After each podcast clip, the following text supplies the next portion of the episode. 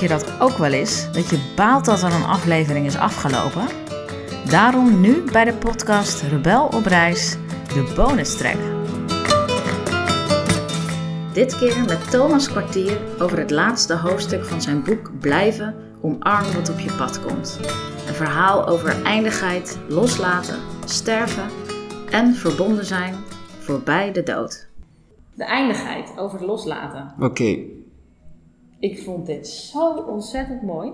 dat is ook een van de weinige verhalen die wel echt waar zijn. Ze zijn wat geanonimiseerd, maar dat wil ik ook best vertellen, want die weten dat ook. Ja. Dus dat is de oma van mijn petekinderen. Dus de moeder van mijn adoptiebroer noem ik dat altijd. Die is op 62-jarige leeftijd, is ondertussen overleden. Ja. Ik ben ook in die uitvaart voorgegaan. En dus dit is een verhaal wat wel voor mij heel dichtbij is. En dit gaat over een zoon en een moeder. Ja. En eigenlijk ontdekt hij dat ze het heel lang niet over het sterven hebben. Nee, en hij vraagt zich af of dat wel moet. Ja. Ja, en worstelt daarmee. En wat gebeurt er dan?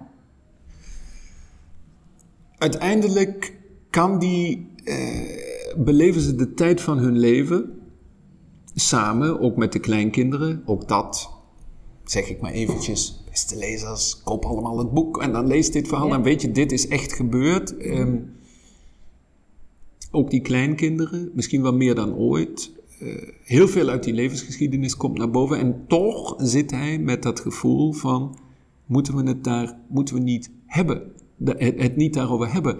Eh, mam, eh, jij gaat dood. En nou, moet, moet er niet een weet ik wat komen.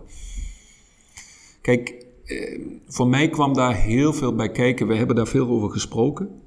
Dus met de echte persoon die niet eh, Jan heet zoals hier in het verhaal. Maar, maar, maar, maar goed, we hebben daar veel over gesproken. En ik was eigenlijk, merkte ik, geïnfecteerd door, omdat ik veel over de dood heb lezingen gegeven, boeken geschreven en eh, veel gewerkt. Ik heb tien jaar lang onderzoek gedaan naar rituelen rond de dood. Ja, je moet, eh, dat moet. En weet je, je moet daar open over zijn. En ik op een gegeven moment merkte bij hem, dat was heel frappant hoor, dat er een moment bijna van overgave kwam. En die overgave heeft er niet toe geleid dat ze dan maar tegen elkaar zegden: hè, hè, en nu gaan we eens een kaas aansteken. Hebben ze trouwens wel gedaan, maar niet daarvoor. Nu gaan we eens een kaas aansteken en nu gaan we het eens erover hebben dat ik doodga. Die moeder. Ja. Of hij zelf. En je kunt dan meteen vragen, ja, maar dat wisten ze dan toch wel? Ja, misschien, misschien wel. Ik kan alleen maar constateren, ze hadden de tijd van hun leven. Ze hebben die tijd met elkaar kunnen omhelzen. En op een gegeven moment los kunnen laten dat nou ook maar iets moet. Je moet het niet per se ergens over hebben. En ehm, het interessante is dan dat dat loslaten, weet je, dat dat bij hun tot een sterkere verbondenheid leidt. Ehm, En een ja. verbondenheid die eigenlijk over de dood heen gaat. ja, ja, ja, ja, ja. Want dat vond ik dus zo. Ja, mooi. helemaal. Je Ja. schrijft hier ook, de tijd benutten betekende niet dat je de eindigheid verdrong, maar ruimte schiep voor de tijd waarin zijn moeder er altijd zou zijn. ja.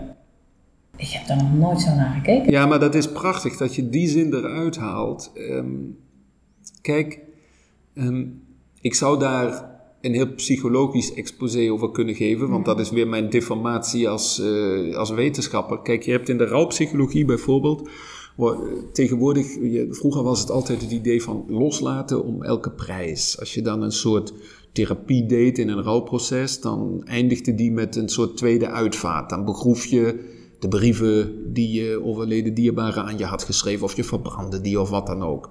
Nou, letting go, eh, loslaten. Tegenwoordig is de rouwpsychologie, heb je ook de theorie van de continuing bonds, dus de blijvende banden met die doden, waardoor die dode present blijft. Ehm, die kleinkinderen hebben mij verteld, want we zijn ondertussen dus. Kijk, het verhaal toen ik het schreef, dat is ook mooi, daardoor heeft het een open einde, maar het verhaal is doorgegaan. Bij die uitvaart vertelden die kleinkinderen. Ik liet die dan aan het woord met allemaal mensen en die zeiden: Nee, maar oma, die is nu in ons. Klein zoontje vertelde, nou, en ik heb hier nu een huis geschilderd voor oma, want die zit zo hieronder, in, in de, ze werd gecremeerd, die die zit daar in de grond, en dan moet ze toch ook een huis hebben waar ze dan in kan zijn, of zo. Weet je, een hele kinderlijke voorstelling, maar die wel maakt dat je dus die verbondenheid uit die geweldige tijd die die kinderen met hun oma hadden gehad, dat die blijft en dat dat niet alleen maar iets is tussen je oren of zelfs niet alleen maar in jouw eigen hart, maar dat dat een glimp is van de eeuwigheid. Daar ben ik heel erg van overtuigd. En dat is voor mij eeuwig leven. Ehm, en dat is dan ook zoiets als verrijzenis, want die oma die verrijst iedere dag. En niet alleen maar in het hart van hun kleinkinderen, nee, maar als die kleinkinderen oma's aanwezigheid ervaren, of de zoon of de schoondochter, of weet ik nou, dan, dan, is, dan is, ze er echt.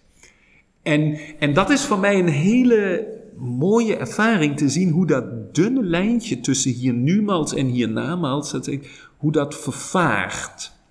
Hoe dat in zekere zin hetzelfde wordt. Kijk, ik mag er ook wel bij vertellen, die staat ook in het verhaal. Zij zijn als gezin, zij komen uit, oorspronkelijk uit Oost-Duitsland. Nou, dat was een atheïstische samenleving.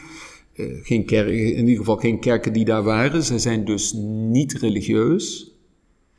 Ehm, ik probeer die kinderen, die, dus mijn petekinderen, die niet gedoopt zijn. Ehm, en ja, ik ben in die zin niet missionair dat ik zeg, jullie moeten, want zij zeggen, nou, maar, maar die kinderen komen wel regelmatig in aanraking en ontwikkelen een soort, ja, ik noem dat een soort spirituele muzikaliteit. En dat moet je in je jonge jaren ook. Dus ik zorg wel dat ze regelmatig genoeg hier komen om een beetje, ja, gevoeligheid te ontwikkelen voor wat, wat, wat religie eigenlijk eigenlijk is, weet je. Maar ook dus zonder daar een, een kerkelijke weg in te gaan, kan zich zo'n begrip als verrijzenis, eh, onsterfelijke ziel, die kunnen gaan leven.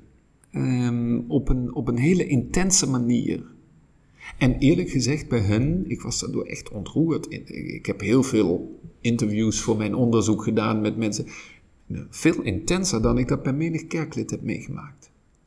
En dat vond ik prachtig. Kijk, en ik heb toen voor hen de uitvaart mogen verzorgen. Ik mocht daar ook in voorgaan. En dat vond ik ook heel, heel emotioneel natuurlijk. Want het is voor mij echt een familie, bijna een soort gezinsverband.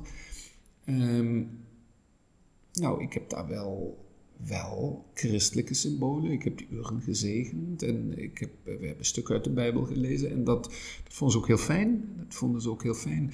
En ik denk weer, niet te zeer te zeggen iets moet... Uh, dat was met dat spreken over de dood zo. Dat, dat moet helemaal niet. Je moet, je moet alleen wel op je innerlijke post blijven. Zie je, daar komt dat weer.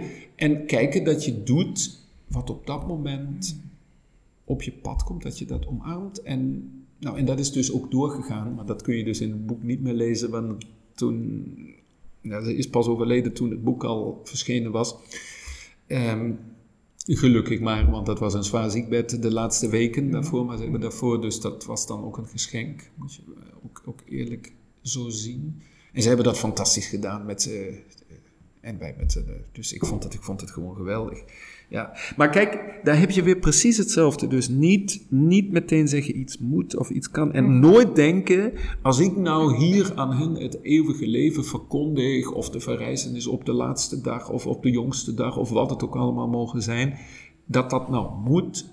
Maar dat zijn allemaal werelden die open kunnen gaan, wat bij hen ook het geval was. Uh, en wees daar nou, wees daar nou uh, bescheiden in, vind ik ook als, als christen zijnde.